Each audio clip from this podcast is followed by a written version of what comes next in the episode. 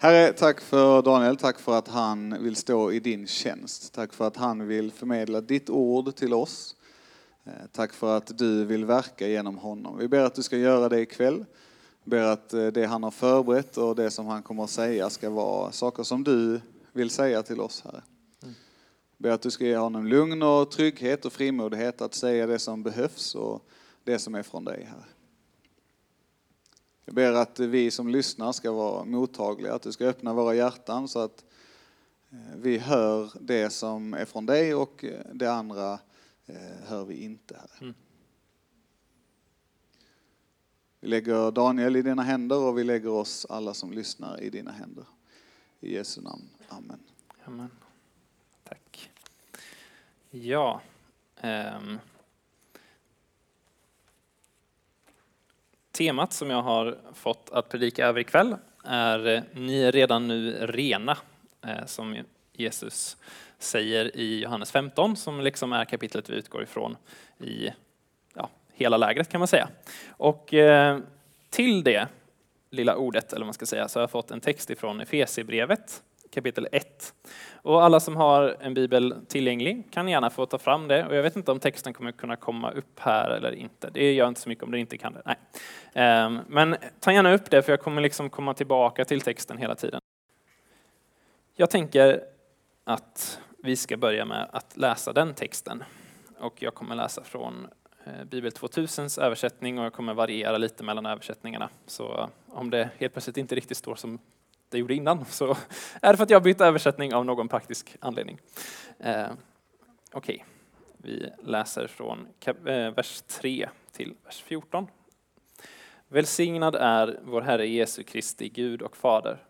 Han har välsignat oss med all den andliga välsignelse som genom Kristus finns i himlen, liksom han före världens skapelse har utvalt oss i honom till att stå heliga och fläckfria inför sig i kärlek han har förutbestämt, till oss, eller förutbestämt oss till att få söners rätt genom Jesus Kristus och förenas med honom. Det var hans viljas beslut. Till pris och ära för den nåd som han har skänkt oss med sin älskade son. I honom och genom hans blod har vi friköpts och fått förlåtelse för våra överträdelser. Så rik är den nåd med vilken Gud har låtit all vishet och klokhet flöda över oss. Och han har yppat sin viljas hemlighet för oss. Det beslut om Kristus som han hade fattat från början och som skulle genomföras när tiden var inne. Att sammanfatta allting i Kristus, allt i himlen och på jorden. I honom har vi fått vår arvslott, förutbestämda därtill av honom som låter allt ske efter sin vilja och sitt beslut. Vi ska vara Gud till pris och ära, vi som redan på förhand hade satt vårt hopp till Kristus. I honom har också ni, sedan ni hört det sanna ordet, evangeliet om er frälsning, i honom har också ni, sedan ni kommit till tro, fått den utlovade heliga anden som ett sigill. Den är en borgen för vårt arv, att Guds folk ska bli friköpt och Gud få pris och ära. Och ordet från Johannes evangeliet som Jesus säger tar vi också i sitt sammanhang lite grann. Ehm, jag läser från vers 1 till vers 5 där det står. Jag är den sanna vinstocken och min fader är vinodlaren. Varje gren i mig som inte bär frukt skär han bort och varje gren som bär frukt ansar han så att den bär mer frukt. Ni är redan ansade genom Jaha, ni är redan ansade genom ordet som jag har förkunnat för er, står det här i Bibel 2000. Det blir inte riktigt lika bra tror jag. Eh, Ja, men eh, ni är redan nu rena genom ordet som jag har talat, står det i folkbibelns översättning. Jag antar att det är något i grekiskan där som kan översättas på lite olika sätt. Ehm, bli kvar i mig så blir jag kvar i er. Liksom grenen inte kan bära frukt av sig själv om den inte sitter kvar på vinstocken kan inte heller ni göra det om ni inte är kvar i mig. Jag är vinstocken, ni är grenarna. Om någon är kvar i mig och jag i honom bär han rikt rik frukt. Utan mig kan ni ingenting göra. Okej, det var liksom texterna vi ska ha med oss i bakhuvudet när vi går in i predikan nu. Och först tänkte jag dra lite om predikans upplägg. Jag kommer börja att prata lite om tro. Vad är tro? Det är ju helt grundläggande med tro för att kunna ta till sig någonting som vi får i Bibeln. Att vi tror på att det är sant. Vad innebär det då att tro? Lite så kommer jag tala om. Jag kommer prata lite om detta om att vi inte alltid lever efter vad vi vet, även i andra sammanhang. Och hur ska vi tro? Sen kommer vi in på liksom en textutläggning då jag kommer ta olika delar av Efesierbrevet texten och prata lite mer om vad de betyder. betyder. Detta om välsignelse, ehm, om att vi är utvalda, om att vi är fläckfria och rena, om att vi har ett barnaskap hos Gud. Och sen kommer jag säga någonting i slutet om hur tar man då detta till sig i tro igen? Så det blir liksom tro i början, innehållet, något om tro, hur tar man det till sig igen på slutet? Eh, och så kommer predikans upplägg vara. Ehm, så, då kör vi igång. På många sätt så styrs vi människor av vad vi tror om olika saker. Vi har sedan vi föddes fått lära oss om verkligheten från olika personer. På många sätt ärver vi våra föräldrars uppfattningar i olika frågor. De är våra första källor till förståelse av omvärlden. Och säger de något när vi är små så tror vi på det. Finns tomten så finns tomten. Är det farligt att lägga handen på plattan kanske vi gör det ändå, men vi lär oss snart att det är farligt. Eh, men det är inte bara det som sägs som påverkar oss, utan också vilka erfarenheter vi gör. Om jag möts med förståelse för mina behov eller av avfärdande, om jag får kärlek och bekräftelse eller kyla och aggression och så vidare, så formar det vår bild av verkligheten av andra människor. Om jag blir biten av en hund så kommer jag inte gilla hundar, men om jag får klappa en söt hundvalp hemma som liksom blir min bästa vän så kommer jag kanske att älska hundar. Och vi får höra om att det här och det här funkar så här och så här så här ska du rösta. Det här partiet har vi alltid röstat på, det är det bästa. De andra vet inte vad de gör. Eller den här religionen i den här versionen är det som gäller och så vidare. Och så vidare. Ehm, och jag tar upp detta som kan kännas helt grundläggande eftersom att vi i evangeliet, i frukten som består, i det vi precis har hört, eh, i Bibelns budskap till oss, får höra mycket som går helt på tvären med vad vi har lärt oss hela livet på flera områden. Vi har inte gjort exakt samma erfarenheter givetvis, men många av oss har gjort liknande erfarenheter. Vi har blivit sårade av människor, vi har kanske ärvt och fått en rädsla för olika saker. Vi har på olika sätt märkts av det onda i världen på ett sätt som skadat oss. Vi kanske har börjat värdera människor för deras yttre och oss själva i jämförelse med andra. Vi har fördömts av andra som har sett oss och vi har fördömt andra. Vi har sårats och vi har sårat.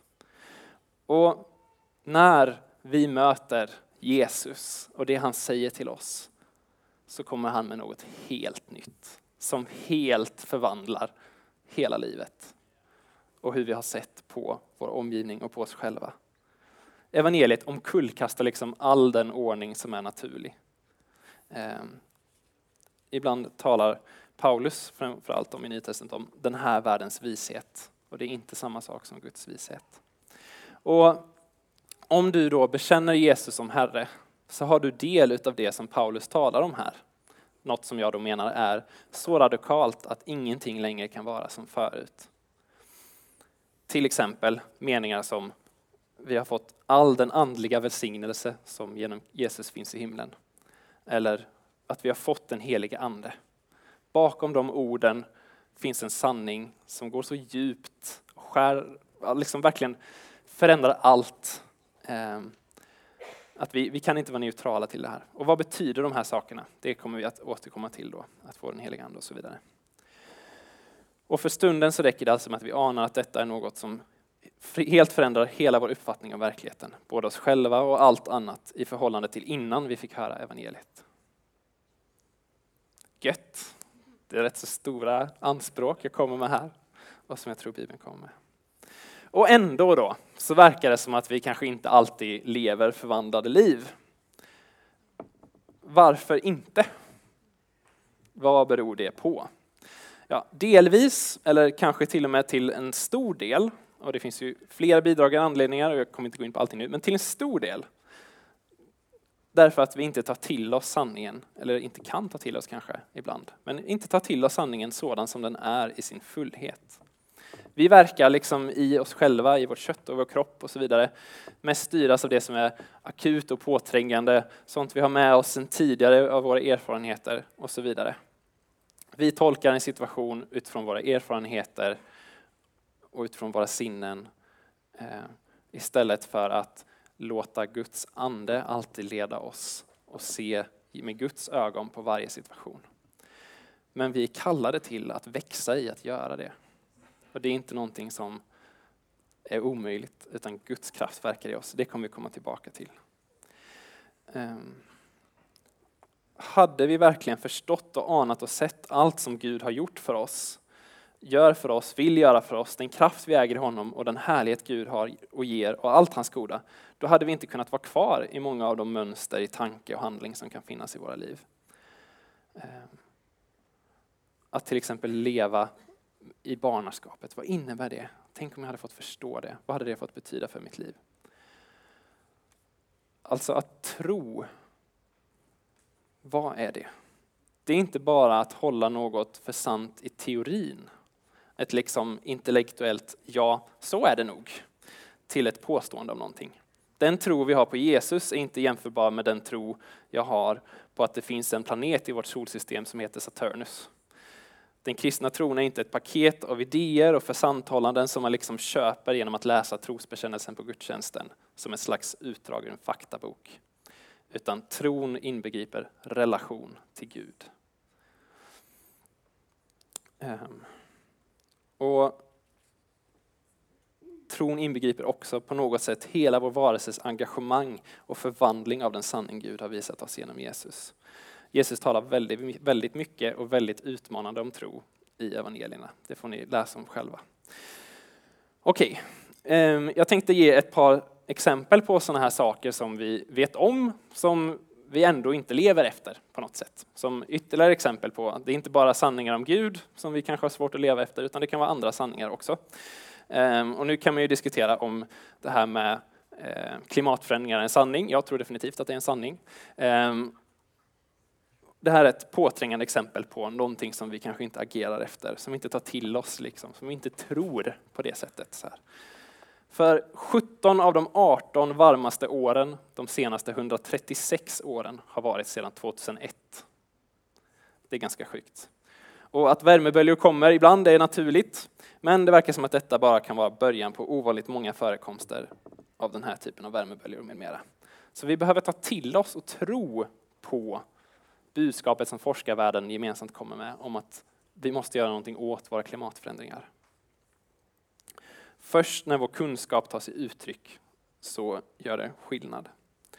Och ett annat exempel på något vi vet som många inte liksom berörs av eller tänker på, men som andra på ett mycket smärtsamt sätt, och vi alla någon gång, eller ofta på ett mycket smärtsamt sätt, tar del av, är att vi kommer att dö en dag. Men många är de människor som ryggar undan och räds inför tanken på döden. Det framkallar ångest.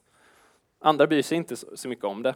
Liksom, helt, ja, ja, det spelar inte så stor att jag ska dö. Men vi som sätter vårt hopp till Jesus, vi behöver inte göra någon av de här ytterligheterna. Vi får med frimodighet glädjas över att vi har en som bär genom döden också. Och man har sagt så här sedan medeltiden, tänk på döden. Och det låter ju väldigt, det låter ju lite tråkigt så, men det är egentligen något djupt vackert över det. För att det påminner oss om vad som håller och vad som varar på riktigt. Okej, det var två exempel på liksom sanningar eller saker som vi har svårt att ta till oss, som inte bara är evangeliet, bara för att vi skulle få något litet perspektiv på det med. Då. Så jag tror att vi behöver lära oss mer om vad det innebär att tro, vad som föder tro och hur vi bevarar tron. Och I Romarbrevet 10.17 ser Paulus en liten formula på hur tron uppkommer. Han säger så här, tron kommer av predikan och predikan i kraft av Kristi ord, eller i kraft av ordet. Ehm, och här står jag och predikar, gött va? jag försöker lägga ut ordet och jag hoppas att det får föda tro hos oss. Så det är ett sätt att få tro. Ehm, och Jesus säger ju då, eh, i alla fall i folkbibelns översättning, att ni är rena i kraft av det ord som jag heter. Ni är redan ansade i, eh, 2000, men jag tror att det, ja, det betyder ungefär samma sak. Ni är redan nu rena i kraft av det ord som jag har sagt er. Alltså hans ord talar starkare än något annat. Om vi nu möter ordet som Jesus talar till oss, och det här ordet vi har här, och tror att det är sant, eh, ja, då är det faktiskt mer sant än det du tror är sant utifrån dina erfarenheter och tankar och känslor. Så låt oss nu möta vad ordet säger och ta emot det i tro. Okej, vi går nu alltså mot en lite mer konkret utläggning av texten. Nu lämnar vi biten om tro bakom oss.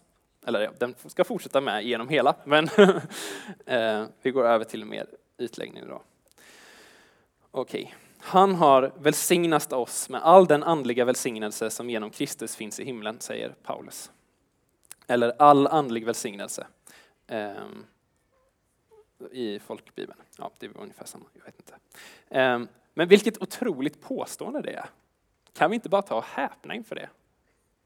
All andlig välsignelse. Vem kan ens fatta vad det betyder? Här, vad är all andlig välsignelse? Om du har fått erfara något av Guds goda och kan tänka dig vad en andlig välsignelse är. Och så bara, vi har fått, han har välsignat oss med all den andliga välsignelse som genom Kristus finns i himlen. Ja, jag kan inte förstå vad det betyder. Men jag kanske kan få börja ta till mig i tro något av det. Det finns i himlen genom Kristus alltså. Kristus är central. Jesus är central. Han är den som har givit oss allt. Han är världens centrum och den som ger och förvärvat den här välsignelsen.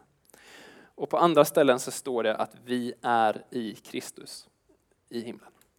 Ehm, och på något sätt är detta en välsignelse i förvar åt oss. Men som jag sa så finns det andra ställen som också talar om att vi sitter med Kristus i himlen. Och vi har otroliga ord, inte bara senare i detta stycke, utan även senare i brevet och på andra stället, som vill visa oss vilken andlig välsignelse vi har tillgång till redan nu genom Kristus. Och det, oj, ursäkta. det är lite av ett tema hos Paulus som har skrivit det här brevet, att han talar om det vi har nu och det som kommer sen. Redan nu, men ännu inte, och så vidare. Um.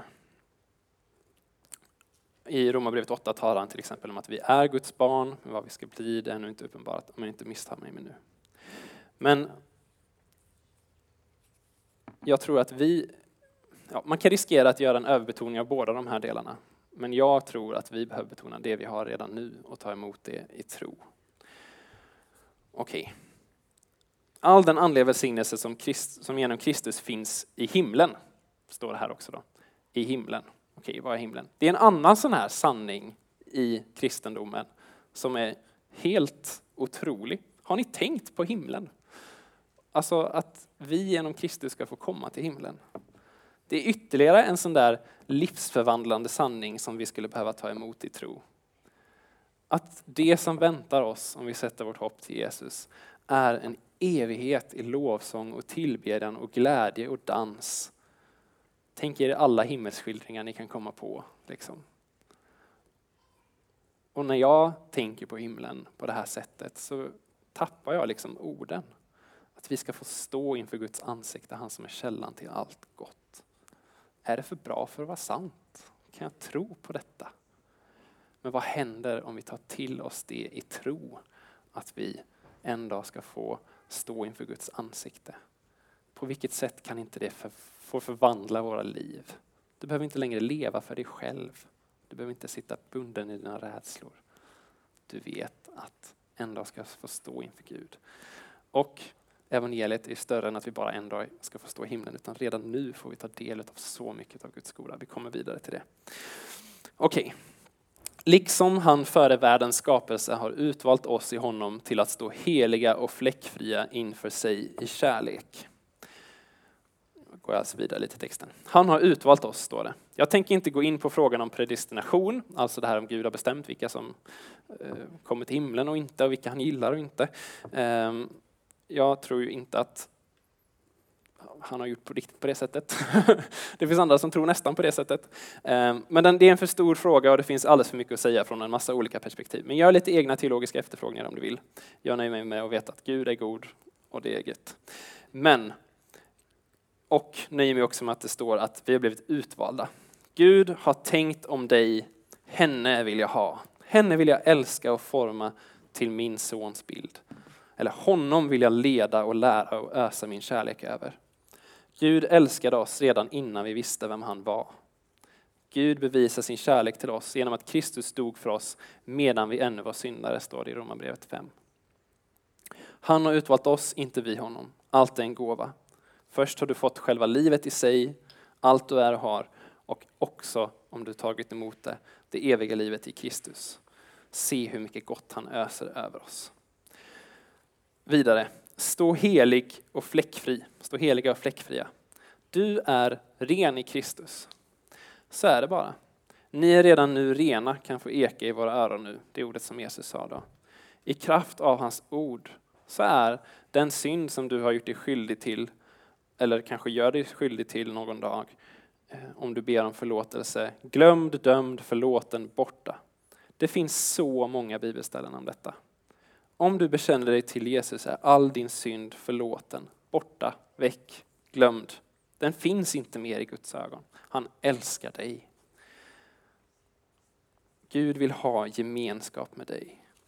Medan du ännu var syndare, den dagen du som allra mest var långt borta ifrån Gud, så älskade Gud dig och ville ha dig.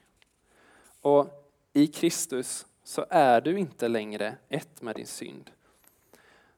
Din identitet, om du har liksom vänt dig till Jesus och tagit emot av honom, av den helige Ande, är inte längre en syndare som sitter i mörkret i väntan på domen eller någon slags mask som vältrar sig i sin egen smuts och dynga.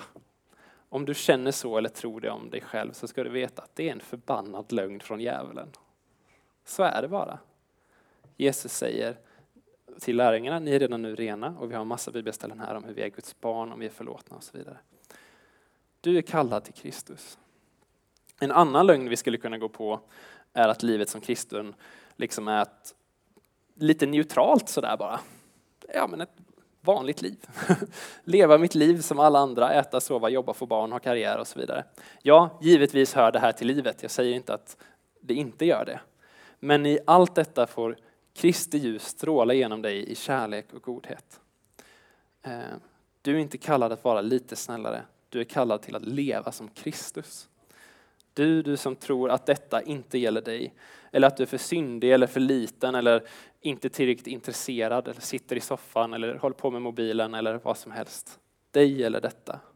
Gud har sett dig och kallat dig och tänker, dig ska jag forma till min likhet och du ska sprida min härlighet och, min, och ge mig ära och jag ska ha glädje i dig.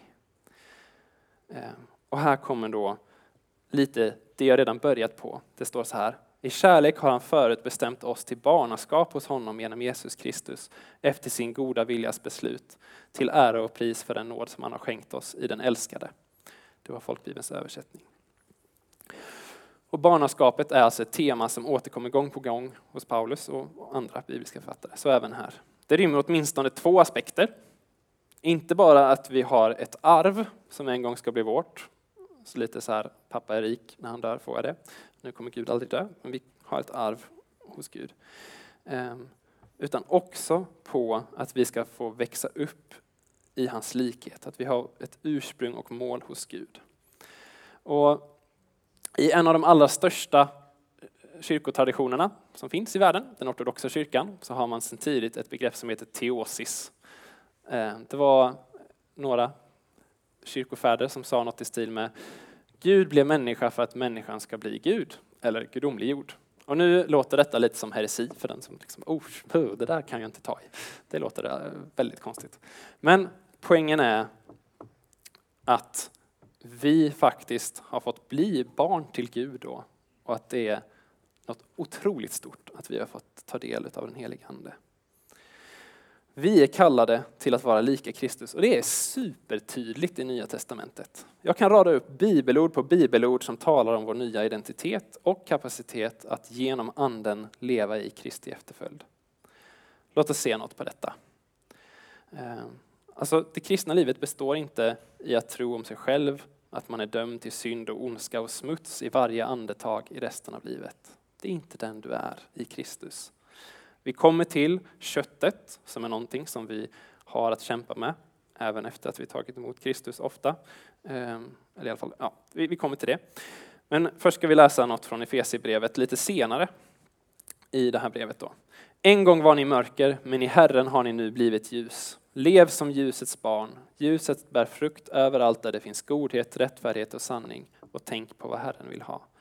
Det skriver Paulus senare i brevet. Ni har blivit ljus, lev som ljusets barn. Eller i andra Korinthierbrevet, den som är i Kristus är alltså en ny skapelse. Det gamla är förbi, något nytt har kommit. Eller Romarbrevet 8. De han i förväg har utvalt har han bestämt till att formas efter hans sons bild, så att denne skulle vara den förstfödde bland många bröder. De han i förväg har utsett har han kallat, och de han har kallat har han gjort rättfärdiga, och de han har gjort rättfärdiga har han skänkt sin härlighet. Eller i Filipperbrevet, var så till sinnes som Jesus Kristus var, Kristus Jesus var. Eller andra Korintierbrevet igen. Och alla vi som utan slöja för ansiktet skådar Herrens härlighet förvandlas till en och samma avbild. Vi förhärligas av den härlighet som kommer från Herren, Anden. Eller första Johannesbrevet. Sådan Kristus är, sådana är också vi i den här världen. Och Paulus vågar säga något så sjukt som, ta mig till föredöme liksom jag har Kristus till föredöme. Är inte det lite kaxigt? Och han var människa som vi. Och vi ska få vara Gud till pris och ära, står det. Okej, hur ska vi då se på när vi inte lever som ljusets barn, när vi faller i synd? Är vi då ändå inte smutsiga små varelser och inte ljus?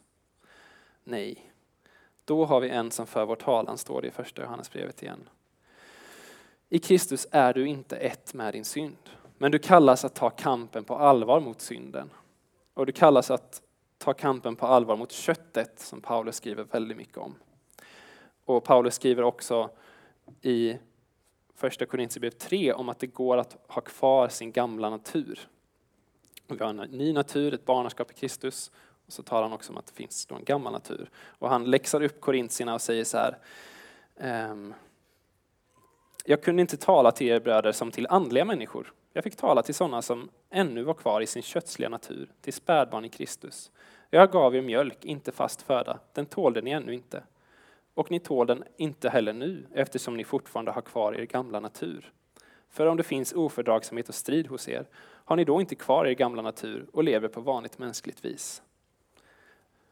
Så skriver han om korintierna. Så vi kan alltså på något sätt, vi har kvar köttet, och vi kan, köttet kan man prata hur mycket som helst om, vad det innebär, är det, är det syndigt? Är det, det är en teologisk diskussion i sig.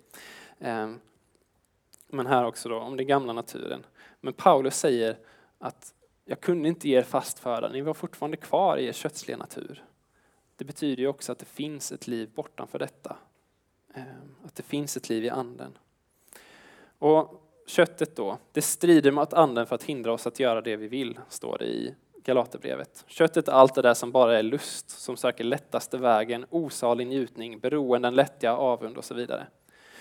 Men du och jag är faktiskt inte dömda att falla offer för köttets lustar, utan vi har fått anden i kampen mot detta. Vi har blivit utrustade med kraft ifrån honom. Så låt oss se då lite på vad anden gör hos oss i vår kamp mot köttet. Det är ganska teoretiskt nu, liksom, kanske ni kan känna.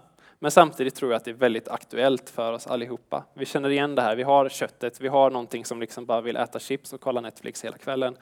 Eh, vi har något som vill ha liksom Ja, ni fattar, ni fattar vad köttet gör. Man behöver inte gå in på det. Alla, ja, ni vet vad det är. Okej, eh, nu ser jag att jag måste verkligen speeda upp lite här, men det ska gå bra.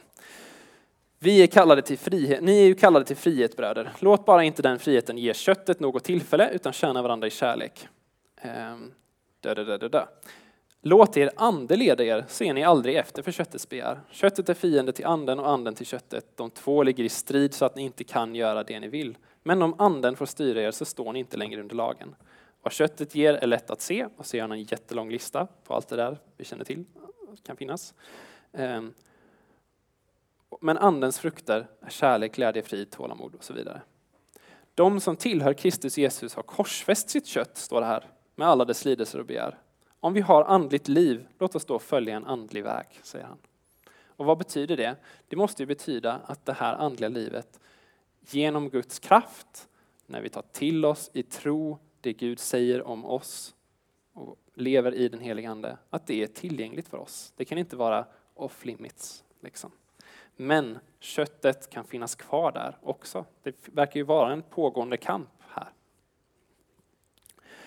Och sen i, senare i vårt brev så skriver Paulus, därför säger jag detta och varnar er Herren, lev inte längre så som hedningarna lever, deras tankar är tomma, deras förstånd är förmörkat och så vidare och så vidare och så vidare. Men han säger så här, låt er förnyas till ande och sinne och klä er i den nya människan som är skapad till likhet med Gud i sann rättfärdighet och helighet. Det måste ju betyda att det går att klä sig i den nya människan skapad till likhet med Gud i sann rättfärdighet och helhet. Är ni med? Okej, det skulle verkligen behövas mer än en veckas undervisning bara att reda ut hur man ska se på den kristne i förhållande till synden och vilka vi är i Kristus. Och det har varit en infekterad diskussion i olika sammanhang. Men Paulus skriver faktiskt här, klä er i den nya människan till likhet med Gud. Och det finns en snubbe i Gamla Testamentet som heter Henok, om vilken det står att han vandrade med Gud och sen blev han upptagen till himlen, precis i början av GT. Om det var tillgängligt för Henok i det gamla förbundet, och nu vet vi att med Jesus så hade allting blivit mycket, mycket bättre. Om det var tillgängligt för honom i det gamla förbundet, vad finns inte tillgängligt för oss nu i form av gemenskap med Gud och med hans ande i vårt liv? Ehm, vi kan få hänge oss åt helgelse, åt att komma nära Gud genom Andens kraft i tro. Läs Nya Testamentet med detta i fokus och se hur texter öppnar sig om du kanske aldrig har gjort det tidigare. Jag vet inte, kanske har du det. Ehm. Och ja, det finns ett ännu inte. Vi kommer att förvandlas mer än vi kan idag i härlighet och få en ny kropp och så vidare. Men vilka är vi att sätta en gräns för helgelsen? Vad består den i? Om anden verkar i dig med samma kraft som uppväckte Jesus från de döda, som det står, vad kan inte han få göra då hos oss? Och om du brottas med synd och beroenden och så vidare, sök hjälp. Eh, frihet finns. Gud vill befria hela och upprätta.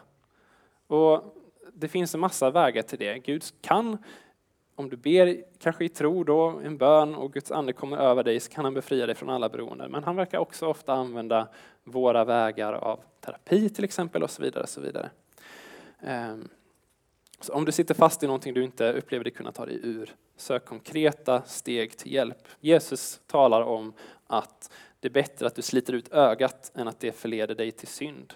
Om du sitter fast i ett porrbruk kanske du till exempel ska fundera över vad du ska göra med din smartphone om den fäller dig ofta. Andens kraft är stor och det är något oerhört att han bor i oss. Okej.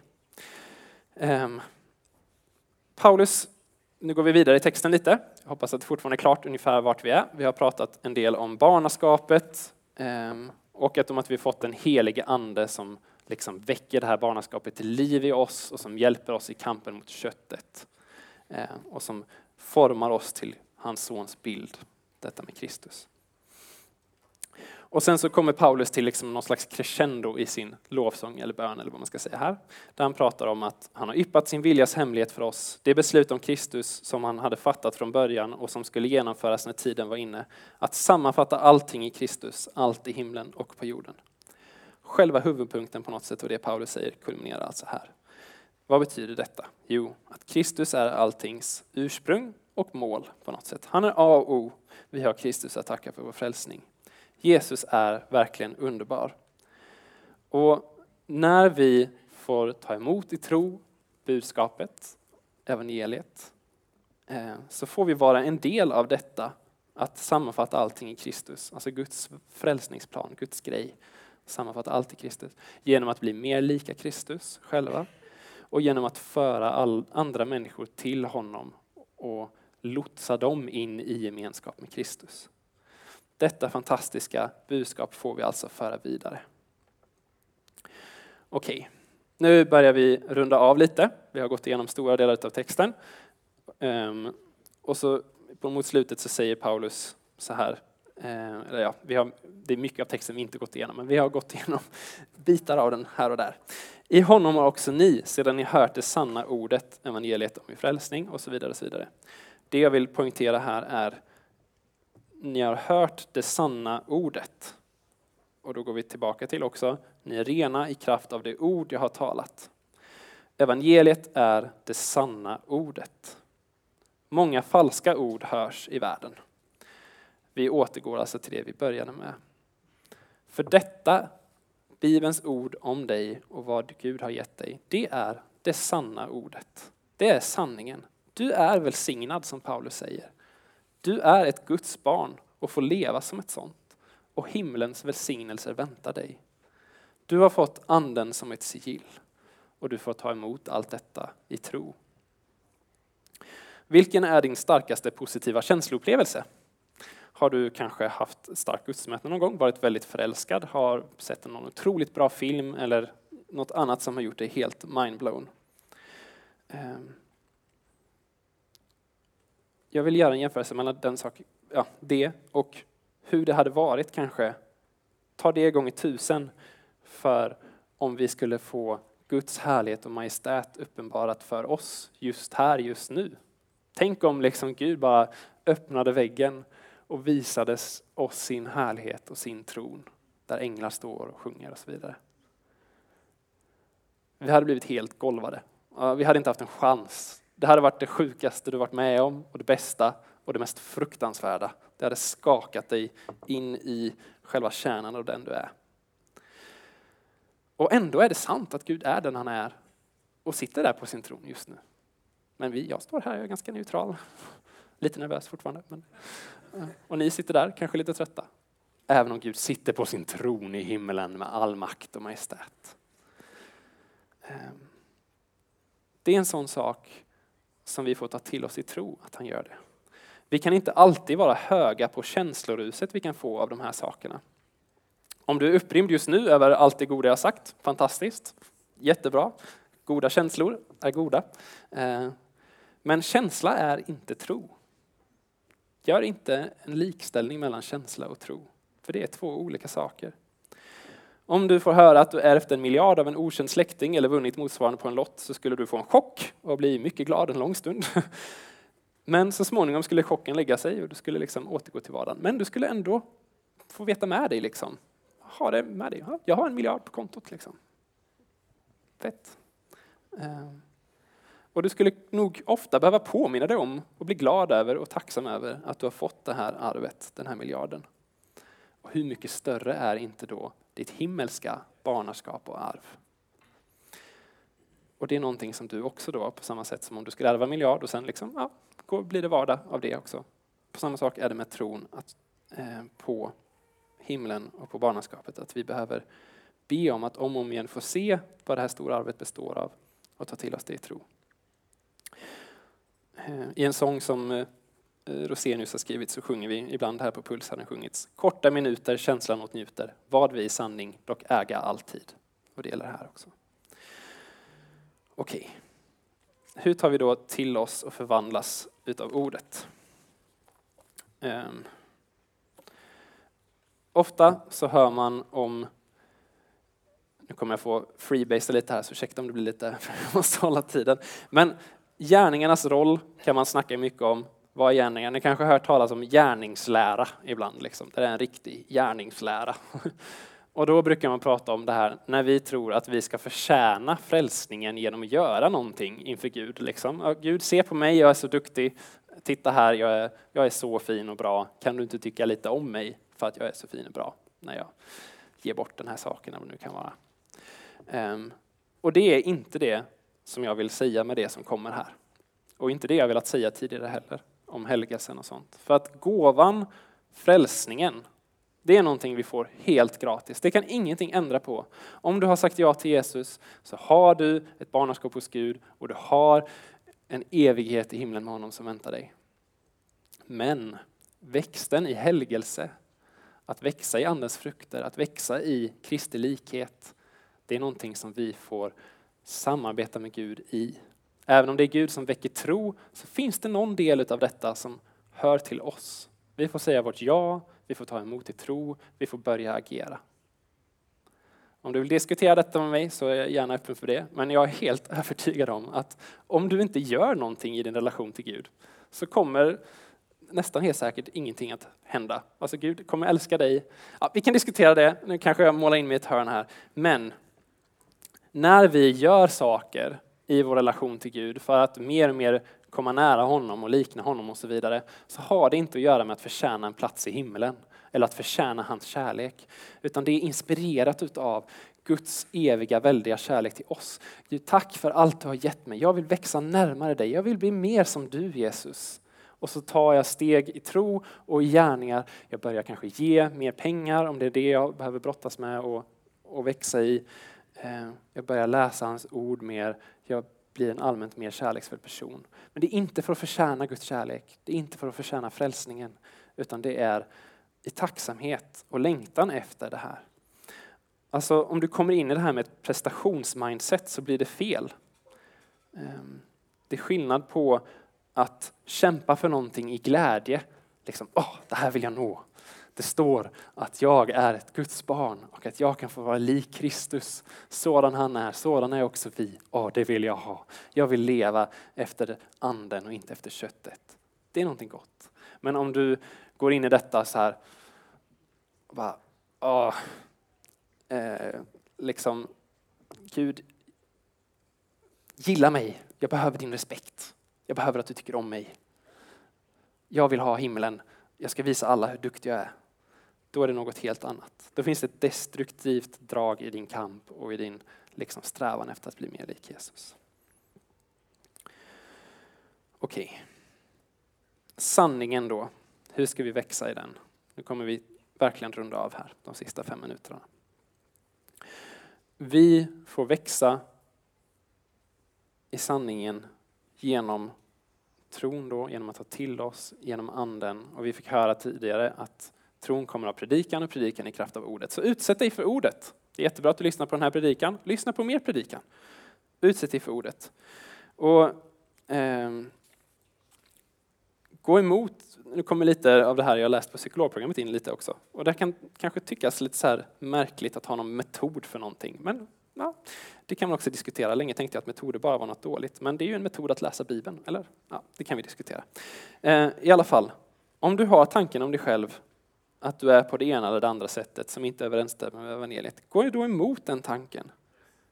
Och Låt oss i kärlek hålla fast vid sanningen och växa i alla avseenden så att vi förenas med honom som är huvudet, Kristus, säger Paulus. Han säger att vi inte, om vi eh, når fram till kunskapen om Guds son, så kan vi bli fullvuxna och nå en mognad som motsvarar Kristi fullhet. Och då kommer vi inte längre vara barn och låta oss drivas omkring av alla lärovindar och inte vara lekbollar för människor som vill sprida sin villfarelse med sina bedrägliga påfund. Känner du igen det att du kan vara en sån lekboll som liksom kastas hit och dit av människors påfund. Du kan genom anden få växa i tro till att bli en sån som når en mognad som svarar mot Kristi fullhet, säger Paulus. Och hålla fast i kärlek vid sanningen. Och Paulus säger i Romarbrevet också att vi inte ska anpassa oss efter den här världen utan låta oss förvandlas genom förnyelsen av ert sinne så att ni kan pröva vad som är Guds vilja det som är gott och fullkomligt och behagar honom. Alltså förnyelsen av era tankar står det i folkbibeln. Eh, och att vi kan få bevara våra hjärtan och tankar i Kristus Jesus. Att vi får tänka på allt som är rätt och rent och dygdigt och så vidare. Och i andra Korinthierbrevet så skriver Paulus om någonting som jag tror är väldigt viktigt. Allting är viktigt.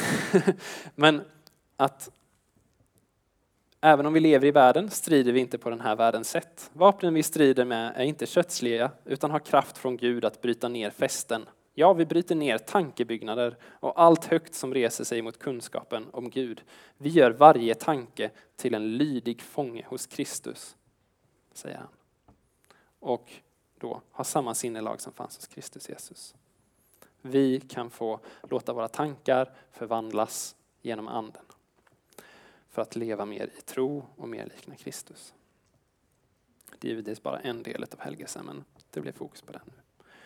Okej. Något allra sista här. Ni ska lära känna sanningen och sanningen ska göra er fria, säger Jesus, också Johannes. Och på ett annat ställe säger han, som vi fick höra tidigare, sök först Guds rike och hans rättfärdighet, så ska ni få allt det andra också. Vad längtar du efter? Vad har du begär efter? Vad önskar du mer än något annat?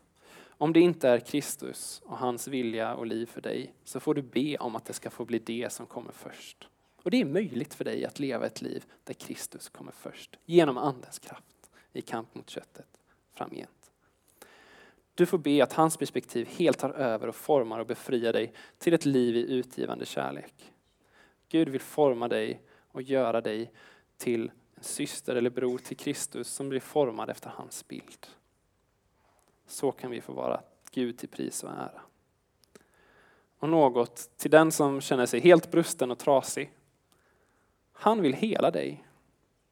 Han vill hela dig. Sen vill han utrusta dig. Och detta gäller visst dig, även om du känner dig trasig. Gud har bevisat sin kärlek till dig genom att Kristus dog. Och jag ber dig, gå till samtal, gå till någon medkristen, be om förbön och så vidare. Han har en stor vision för dig att göra dig lik Kristus. Och du som befinner dig i sorg eller uppror mot Gud av ilska mot honom, så finns det faktiskt utrymme att kasta alla bekymmer på honom, att uttrycka dig rent och klart inför honom om allt du känner och be om en förnyad uppenbarelse av hans kärlek. För om du är arg på Gud så har du inte en sann bild av vem han är. För han är god och kärleksfull och rättfärdig och allsmäktig. Och han vill ge dig den bilden av honom. Och om du inte ännu tror, kom med och se. Eller kom med och se igen om du tappat tron. Eller överhuvudtaget alla oss här, kom med och se igen. Utforska vem Jesus är och var. Han är centrum.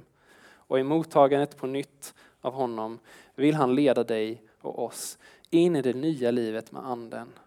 Där du dag för dag får förvandlas till hans likhet med hopp om en kommande härlighet och glädje inför Guds ansikte i evighet. Amen. Jesus, vi tackar dig för att du är så god och stor. Jag ber att det som har varit rörigt eller oklart ska få landa på ett gott sätt. Jag ber att sånt som kan ha smugit sig in som inte är från dig ska få bara droppa bort. Men jag tackar dig Herre för att jag har fått predika evangelium här om vem du är. Jag ber att det ordet ska få landa, bli ett frö i oss, att det ska få växa i oss. Det har redan börjat växa hos oss och bära rik frukt i våra liv. Och Herre, vi ber om en vision, om en förnyad uppenbarelse av din kärlek för oss. Och vi ber om en väckelse i vårt land med start i våra liv. Herre. Tack Jesus. Var med oss. Amen.